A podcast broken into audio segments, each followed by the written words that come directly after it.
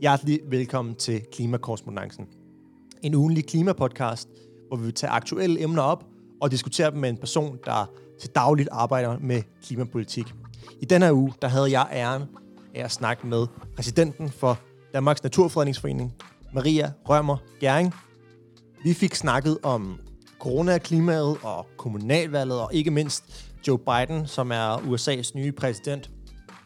Så velkommen til, og jeg håber, I vil bære over med en lidt haltende lyd. Som så mange andre kan vi selvfølgelig ikke optage fysisk, men det satser vi selvfølgelig på at gøre, så snart vi kan.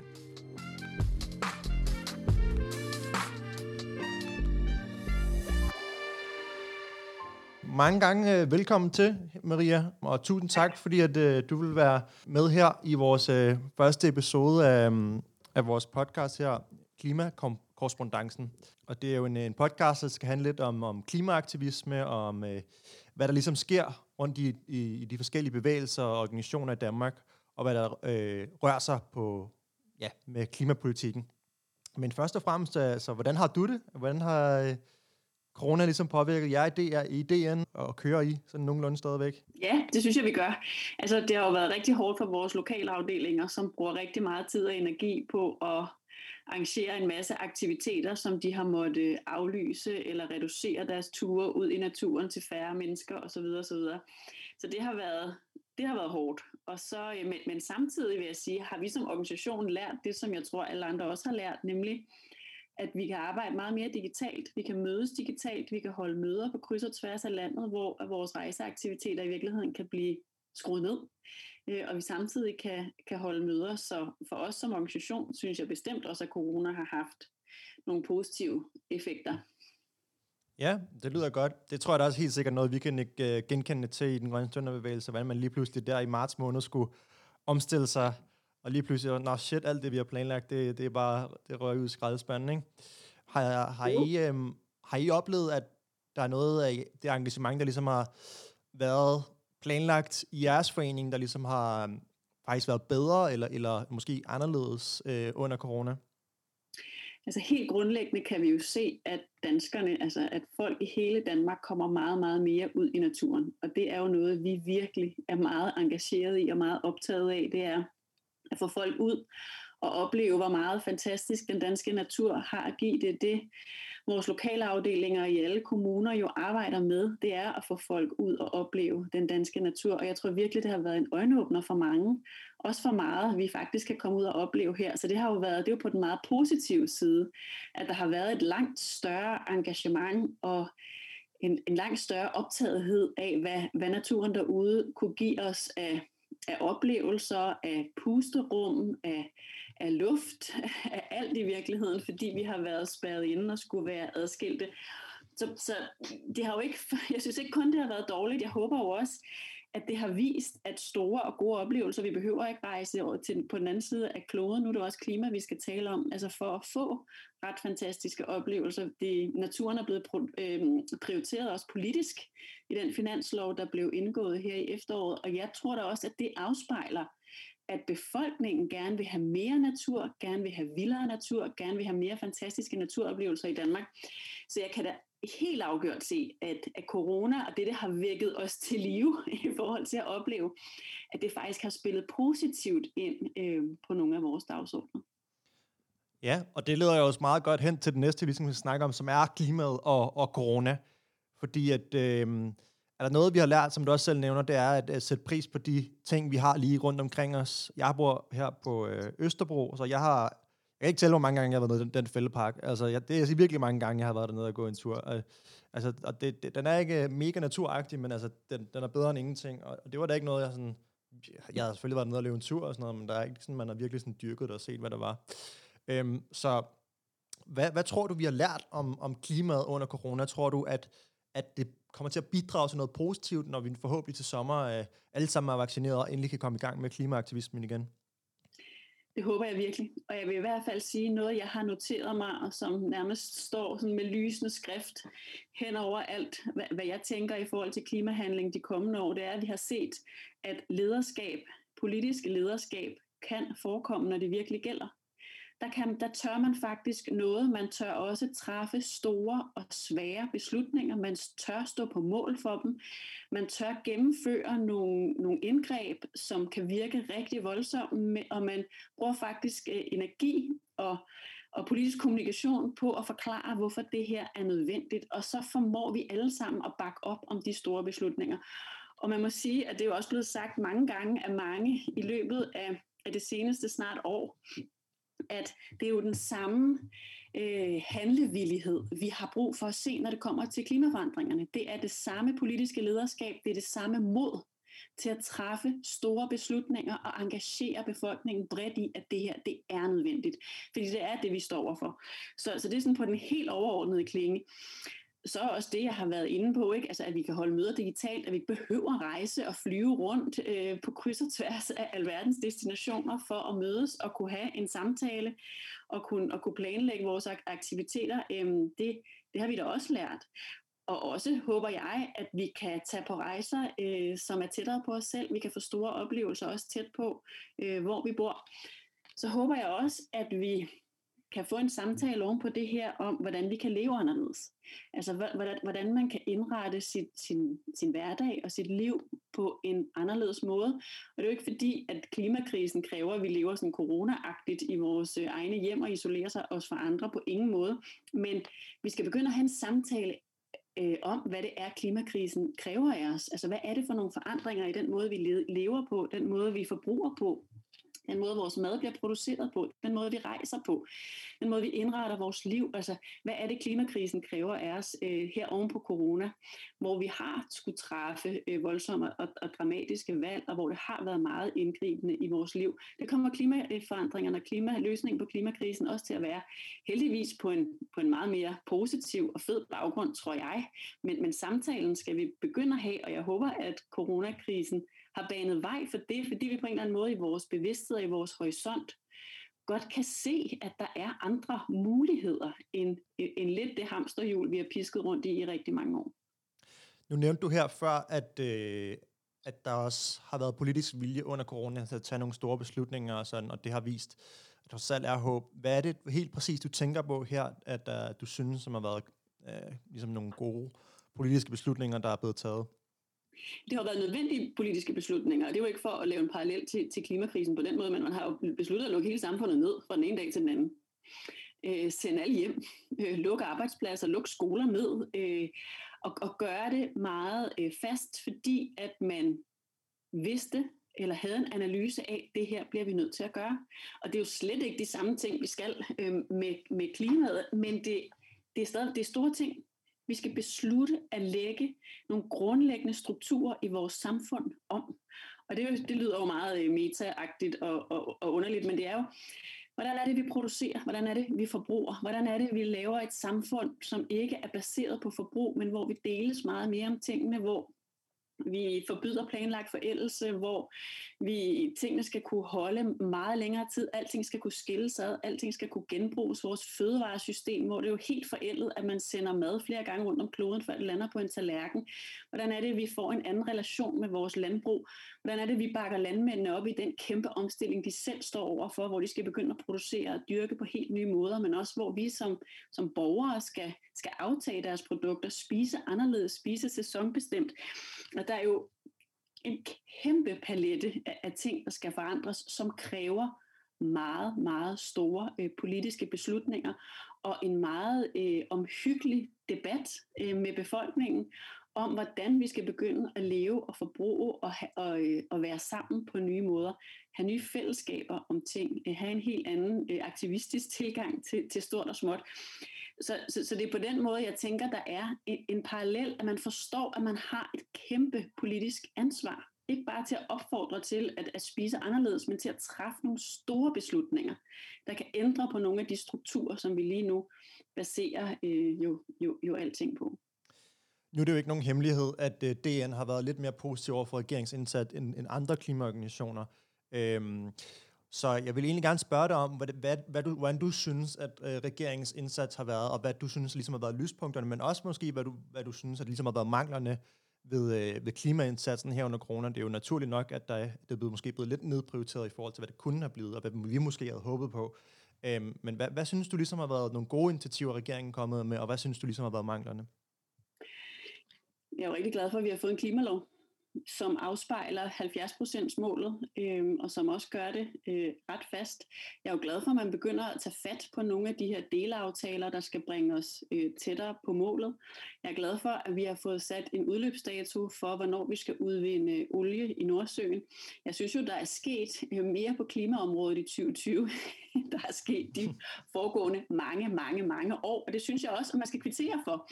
At sige, altså klimakrisen er jo gigantisk og kræver et politisk mod af hidtil usete dimensioner.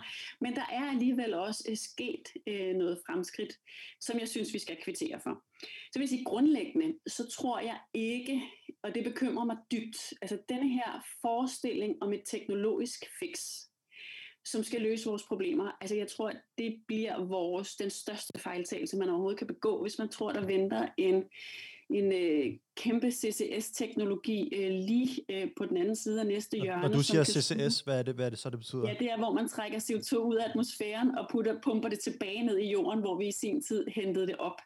Øhm, det er det, har man snakket om. Nu har jeg været i den her debat i mange år. Nu har man, det har man virkelig snakket om længe, og den var lige på trapperne, og så var den igen lige på trapperne, og den blev ved med at være lige på trapperne, men den er her bare ikke rigtig.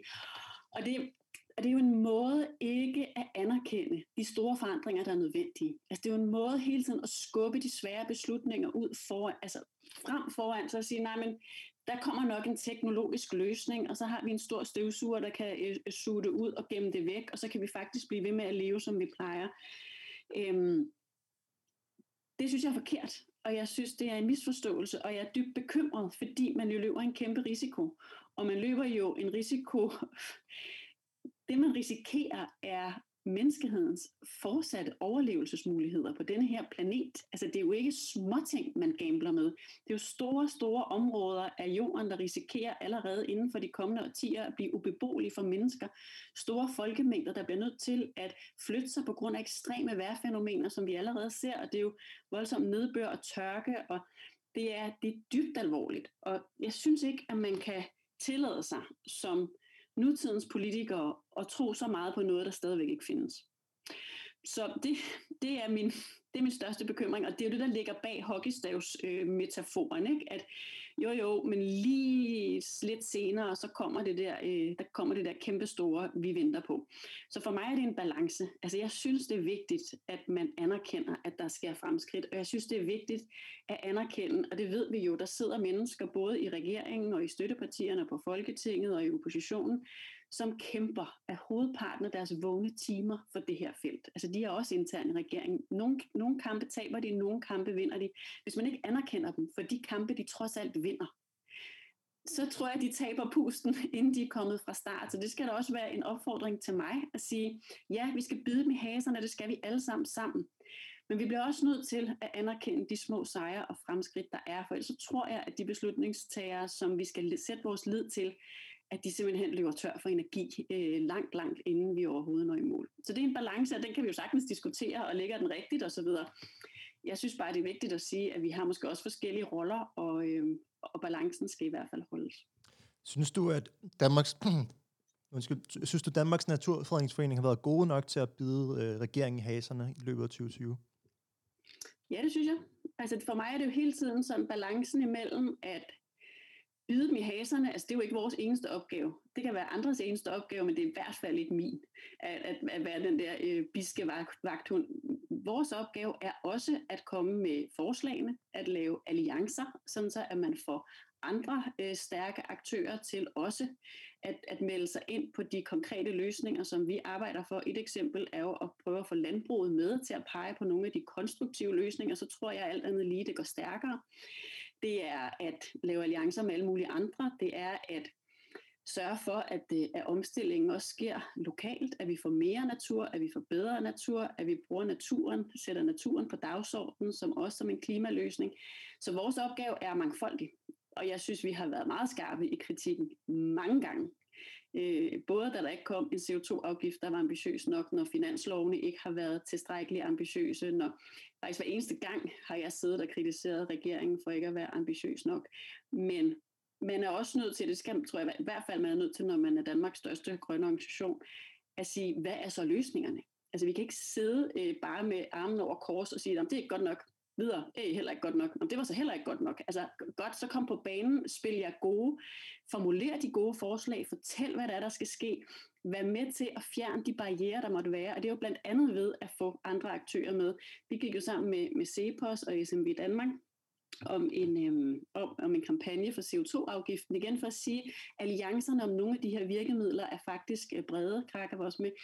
Øhm, og, og, vi, kan sige to, og vi, vi er mange, der peger på nogle af de samme løsninger for at forsøge at, at tale mindst lige så meget løsninger som kritik. Og det er i hvert fald min ambition, ambition at være, have en ligevægt. Altså sætte løsningerne i spil og gøre dem politisk gangbare skal være lige så, så stærk en prioritering for Danmarks Naturfredningsforening, som at levere kritikken. Den balance skal vi holde. Ja, og det var det, vi nåede her for det, øh, corona og klima. Og du nævnte jo selv her noget med, at øh, omstillingen også skal ske lokalt. Og vi står jo over for et øh, kommunalvalg i 2021, hvor vi virkelig skal have øh, klimaindsatsen ud i kommunerne. Og, øh, og derfor skal vi tænke, at vi lige skulle tale lidt om, om, om det. For hvad, hvad, hvad tror du, at, at kommunernes rolle ligesom kommer til at være det? Tror du, at, at kommunerne formår at løfte den opgave, som den grønne omstilling kræver øh, efter et kommunalvalg? Det håber jeg. Og jeg håber virkelig, at vi sammen, og det er jo både jer og os og alle andre i den grønne bevægelse, at få sat øh, både natur og klima på dags, dagsordenen op til kommunalvalget. Og igen at være konkret, at fortælle øh, dem, der gerne vil vælges til, til byrådene rundt omkring i Danmark, fortælle dem, hvad det er, vi forventer af dem. Øh, helt præcist. Der synes jeg selv, at det nogle gange har været øh, lidt for ukonkret, hvad det egentlig er, øh, kommunerne kan og skal gøre. Altså vores forventninger om, at de engagerer sig helhjertet i at lave lokale grønne transportløsninger, så det er lettere at transportere sig, øhm, uden at flere at familier skal have flere biler. At have en dialog med virksomhederne, det er noget, vi har succes med, også lokalt. Altså, vi, vi gør det med at lave mere vild natur på virksomhedernes arealer, men også at have en dialog med dem om, hvordan bliver de faktisk ambitiøse på det, på det grønne område i kommunerne at have en holdning til, at man øh, prioriterer klimavenligt i, i de mange, mange måltider, der bliver serveret rundt omkring på plejehjem og i børnehaver og alle mulige andre steder, hvor man netop kan være med til at understøtte landbrugets grønne omstilling, hvis man faktisk prioriterer at købe fra dem og prioriterer, at det skal være plantebaseret og i mindre grad kødbaseret. Så synes jeg også, at jo både øh, DN og kommunerne har en fælles opgave i det, det man kan kalde de handlingsorienterede fællesskaber, altså den, den lokale aktivisme sådan i den helt, helt konkrete og nære forstand, hvor vi skal begynde at, at dele meget mere, deles om tingene, og det er jo alt lige fra boremaskiner til plæneklipper til biler, vi skal øh, gå sammen om og deles om. Det kan være tøj, man deler om. Tøjbiblioteker er jo noget, jeg selv bruger, og som bliver, bliver mere og mere fremherskende, altså som kan være med til at, at skrue øh, forbruget ned. Vi vil gerne have, at kommunerne engagerer sig i at få mere natur rundt omkring, få mere skov. Det er jo også en klimaløsning. Det er min ambition, at vi skal til her fra 2021 og snakke meget mere om naturen som en klimaløsning. Det er jo både en genopretning af naturen ud i havet, men det er jo også naturen på land. Altså de naturbaserede løsninger skal mere i spil, og vi skal se klimaforandringerne som andet end et teknisk fix. Øhm, så, og det er jo også noget, hvor kommunerne faktisk kan spille en reel og konkret rolle, hvor de med deres lokalplaner kan være med til at planlægge for mere natur. Jeg håber, at borgerne vil sætte det på dagsordenen. Nu nævnte du selv, du, du er københavner, øh, du har fælledparken. Altså, man må sige, københavnerne har jo skræmmende lidt natur. Ja, det synes jeg godt også. I forhold til alle andre, ikke? Og nu vil de bygge ude på Amagerfællet. Altså, det er jo sådan nogle øhm, diskussioner, jeg synes, vi skal have i samfundet, at det er i orden, at vi bliver ved med at æde vores natur i en situation, hvor at befolkningen savner øh, naturoplevelser, arterne øh, står på randen af udryddelse, rigtig mange af dem, og vi har brug for de naturbaserede klimaløsninger. Nå, det var lige et, et sidespring, men det er i hvert fald noget, hvor man kan holde øh, i kommunalvalget kan holde dem fast og sige, hvad er jeres ambitioner? Får vi mere natur? Får vi mere skov? Får vi mere af, af, af de løsninger, hvor naturen og biodiversitetens krise bliver bundet sammen med klimakrisen? Hvordan kan de understøtte de lokale, altså borgerne? De har jo den tætte kontakt til borgerne, som staten ikke har. Hvordan kan man understøtte borgernes handlemuligheder? ud i, i, i at gøre noget for klimaet, for der er rigtig mange, der gerne vil. De synes bare, det er meget, meget svært at finde ud af, hvordan de skal gøre det. Så der er, der er rigtig meget på spil, og jeg synes, vi skal, øh, vi skal gøre det konkret, og vi skal gøre det sammen, og vi skal sørge for, at der bliver en hel masse grøn debat op til, den, øh, til det kommunalvalg, øh, der skal være i efteråret. Nu er det jo sådan, at øh, Danmarks Naturfredningsforening har en lang historie med at have øh, lokalafdelinger og aktiviteter ude lokalt. Jeg tror, at min egen far har været med til at få noget fredet ud i, i Rudersdal Kommune og sådan. Så, så I har jo en del erfaring at trække på, ligesom her, hvorimod for eksempel Klimabevægelsen, som er en relativt ny, nystartet organisation, eller den grønne studenterbevægelse, som vi er overhovedet ikke til stede i, i som I gerne vil ude i, ude i kommunerne. Så hvad er noget erfaring, I kunne dele ud af, noget, noget, noget hands-on? Hvad, hvad, hvad er det, man skal gøre, når man, når man kommer til kommunalvalget? Hvordan får man folk engageret i, i lokalsager? Det er jo nogle gange det, der er lidt, det desværre. Det er, det er svært. Øh, det er svært. Altså, vi er jo simpelthen så heldige, at vi har et strukturen, som vi kan handle på baggrund af. Og det er jo altså organisering, organisering, organisering er jo bare det vigtige, vigtige sted at starte. Og det kan man jo både gøre, som, som vi har gjort i DN, fordi vi er så, så stor og så gammel en forening, hvor vi fysisk har lokalafdelinger med rigtig mange mennesker, der gerne vil bidrage. Dem har vi jo rundt. Vi har jo øh, formænd og næstformænd og bestyrelser rundt omkring. Men at få styr på den organisering, og der kan man jo lige så godt i dag gøre rigtig meget digitalt. Sådan så man, man får en organisering, man sørger for, at man har fangearme ud alle steder, og kan sætte de her dagsordner. Vi satser rigtig meget på at lave jo sådan nogle øhm, kommunalvalgsmøder, og det kan man jo både gøre fysisk, man kan gøre det digitalt. Vi havde stor succes med, synes jeg, op til folketingsvalget at lave en digital kampagne, hvor vi prikkede øhm, dem, der stillede op, og bad dem om at tage stilling til nogle spørgsmål, vi havde formuleret, men det er jo også at samle en grøn bevægelse. Øh, vi var jo mange organisationer, der gik sammen om det her. Samle den grønne bevægelse, finde ud af, hvad er de vigtigste spørgsmål, og så sørge for, at man, at man får, øh, får organiseret sig lokalt i forhold til at prikke politikerne, at insistere på, at de svarer, at være til stede i den lokale offentlige debat. Det synes jeg også, at, at DN's lokale folk er vanvittigt gode til, altså at være, at have det lokale ophæng, at vide, hvad det er, der rører sig, at følge debatten i de lokale medier, at vide, hvad det er, der er på spil lokalt.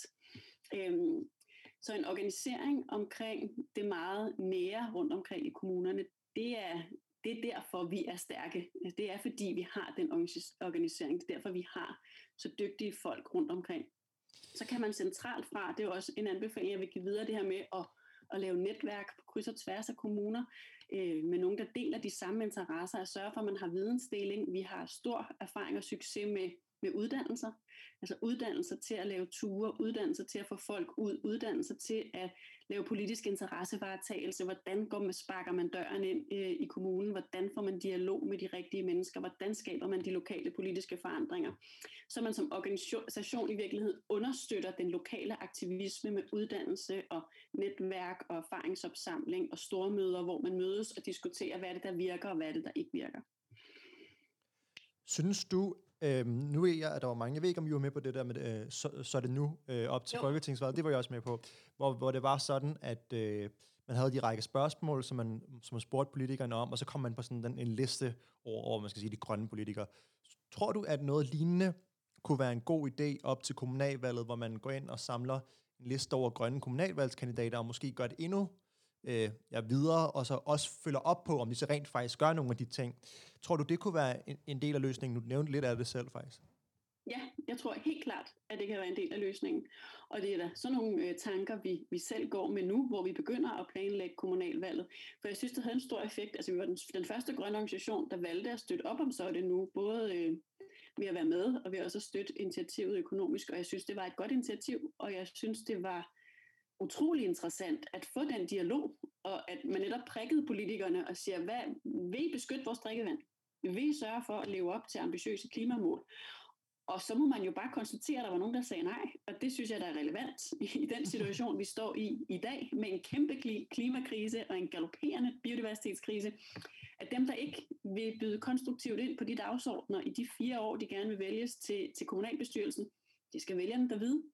Og dem, der siger ja, de skal jo så også levere. Og der har vi, for, vi får noget meget, meget konkret, som grønne organisationer og grøn bevægelse at holde dem op på og sige, husk hvad du lovede. Du lovede vælgerne noget helt konkret. Og det er jo klart, vi kunne gøre det generelt i forhold til Folketinget. der er vi nødt til at have de, de lokale kræfter på banen, fordi det er altså noget helt andet, der giver mening i, i København end i Nordjurs. Altså det, det, det er helt forskellige logikker, der er andre ting på spil, og det er jo der, hvor en organisering med, med en stærk lokal forankring er virkelig god, fordi altså, DN's øh, lokalbestyrelse i Nordjurs, de ved præcis, hvad det er for grønne initiativer, man skal bede øh, øh politikerne om at levere på de næste fire år. Det gør jeg jo ikke, eller øh, nabokommunen. Så på den måde er, er, er den organisering bare ret relevant i forhold til at lave en lokalvalgskampagne, der gør det så konkret over for politikerne, holder dem op på løfter, beder dem om at tage stilling til konkrete ting, som vi kan, kan holde dem fast på, også efter kommunalvalget. Tusind tak skal du have. Øhm, her, øh, som det sidste segment i klimakorrespondancen, der er det sådan, at øh, vi altid slutter på en, en god nyhed. Man skal altid slutte af på noget positivt, og derfor er det sådan altid, at vi altid slutter af på en god nyhed. Og det er jo sådan i dag, at øh, USA's 46. præsident bliver indsat Joe Biden. Øh, her klokken, jeg tror det er klokken, vi er op til her klokken to, og han bliver indsat klokken omkring 5-6 stykker. Så lige om lidt er det sådan set, når I hører det her. Øhm, så derfor tænker jeg lige, at vi hopper fra øh, dansk kommunalvalg over på den anden side af landen og snakker om øhm, øh, den nye præsident. Fordi at han har jo lovet noget på klimaområdet, noget, der virkelig forhåbentlig kommer til at batte. Øh, batte. Hvad tror du ligesom, at vi får en, en præsident, som rent faktisk har lovet noget, og rent faktisk tror på klimaforandringer som reelt menneske, øh, menneskeskabt problem. Hvad tror du, at det kommer til at betyde? Jeg er meget glad for, at vi ender her, fordi det er meget, meget rart, når man beskæftiger sig med de her problemstillinger en gang imellem, og kunne tale lidt om de ting, der trods alt også er positive og gode. Er der jo ingen tvivl om, at få Biden ind i, i det hvide hus, og til at lede USA, øh, en, der vil melde USA ind i Paris-aftalen igen. Det er en af de ting, jeg gerne vil fremhæve, som glæder mig rigtig, rigtig meget, at vi måske igen kan få et USA, der vil være med til at gå foran på klimaområdet, der anerkender, at klimaforandringerne er en realitet, og det også haster rigtig meget med handling. Så håber jeg jo, at han vil implementere sin, sin meget, meget store grønne øh, klimaplan. Jeg tror, det var 2.000 milliarder eller noget af den stil hen ja. over øh, 10 år dollars, vil jeg at den, at den koster, altså det er jo en meget, meget stor og ambitiøs grøn omstillingsplan. Jeg håber også, at han vil, han vil komme igennem med den, også fordi jeg synes, man ser også i det republikanske parti, altså en anerkendelse af, at det her det haster, og der skal faktisk ske noget. Jeg tror, vi i første omgang vil se øh, en meget stor satsning på vedvarende energi. Altså de er jo lidt berøringsangste i forhold til at sætte at gøre det meget dyrt at udvinde fossile brændsler, så jeg tror, man, man kommer til at se den anden vej rundt, med en stor støtte til, øh, til vedvarende energi og en, om, og en omstilling af energisystemet så håber jeg personligt, øh, men det er jo nok lidt længere nede af vejen, men også at man fra USA's side vil anerkende sammenhængen mellem natur og naturbaserede løsninger og klimaforandringerne. Jeg tror, det er så vigtigt, at vi taler det her op, og vi også har en dialog med, med hvor at politikerne har dialog på tværs af, øh, af politisk lederskab i landene om, hvor vigtigt det er, at vi håndterer natur- og biodiversitetskrisen hånd i hånd med klimakrisen og forstår, at de to kriser hænger sammen, og de skal løses sammen. Så det er jo selvfølgelig min egen sådan, personlige håb, at udover at han vil være ambitiøs på den teknologiske omstilling, når det kommer til energi og transport, og få udfaset de fossile brændsler fra USA's energiforsyning, at der så også kommer en øget anerkendelse af, hvor vigtig naturen er, og hvor vigtigt det er, at vi som, som lande slår meget hårdt ned på øh, også de lande, som for eksempel Brasilien, hvor man fælder regnskov og viser en chokerende ligegyldighed over for nogle af, af klodens mest værdifulde økosystemer, som vi deler med andre arter. Hvis du nu var rådgiver for, for Joe Biden her, og, og nu skal i gang med at bruge alle de her penge, han har lovet, hvad vil så være det, det første, du vil råde ham til at bruge en masse penge på? Det vil være energisystemet og transportsektoren øh, helt klar til at starte med. Øh, det må jeg nok erkende og så ville vi, fordi der er de, øh, der, der skal ske noget, og der skal ske noget rigtig, rigtig hurtigt, og det er ting, man ikke lige gør fra den ene dag til den anden. Så vil det også være at kigge på, øh, som nummer to, på landbruget og på en, det er jo, altså i USA, altså vi, vi fatter jo slet ikke, hvad der er, der er på spil derovre. Det er jo kæmpe, kæmpe, kæmpe store interesser, man skal ud og lægge arm med for at få en bæredygtig omstilling af landbrugssystemet. Men det vil være det næste, og, og, og parallelt hermed at få, øh, at få endnu mere natur og få opbygget naturen igen at få store, øh, endnu større og sammenhængende øh, naturområder. Og så som led i den første del af planen med, med energisystemet at få olievirksomhederne ud alle de steder, hvor USA's præsident kan få, øh, hvad enten det er fracking eller olieboringer i, i sårbare regioner, få dem, få dem ud derfra og få det forbudt så hurtigt, som det overhovedet kan lade sig gøre. Tusind tak, fordi at øh, du vil medvirke her i vores første episode af Klimakorrespondancen, Maria Rømer Gerning. Øhm, jeg håber også, at du, øh, du synes, det var, det var hyggeligt at være med. Øhm, øh, og vi, vi udgiver episoderne øh, hver mandag, øhm, og optager, øh, vi optager ikke i, sønd, om sønd, i søndag i dag, men øh, normalt optager vi om søndag og udgiver mandag. Så der kan I øh, gå ind og lytte til den på jeres, øh, der hvor I nu hører podcast. Men øh, tusind tak, fordi du vil være med her i dag, og øh, vi siger tak for nu. Det var en stor fornøjelse, og tak for, at jeg måtte være med.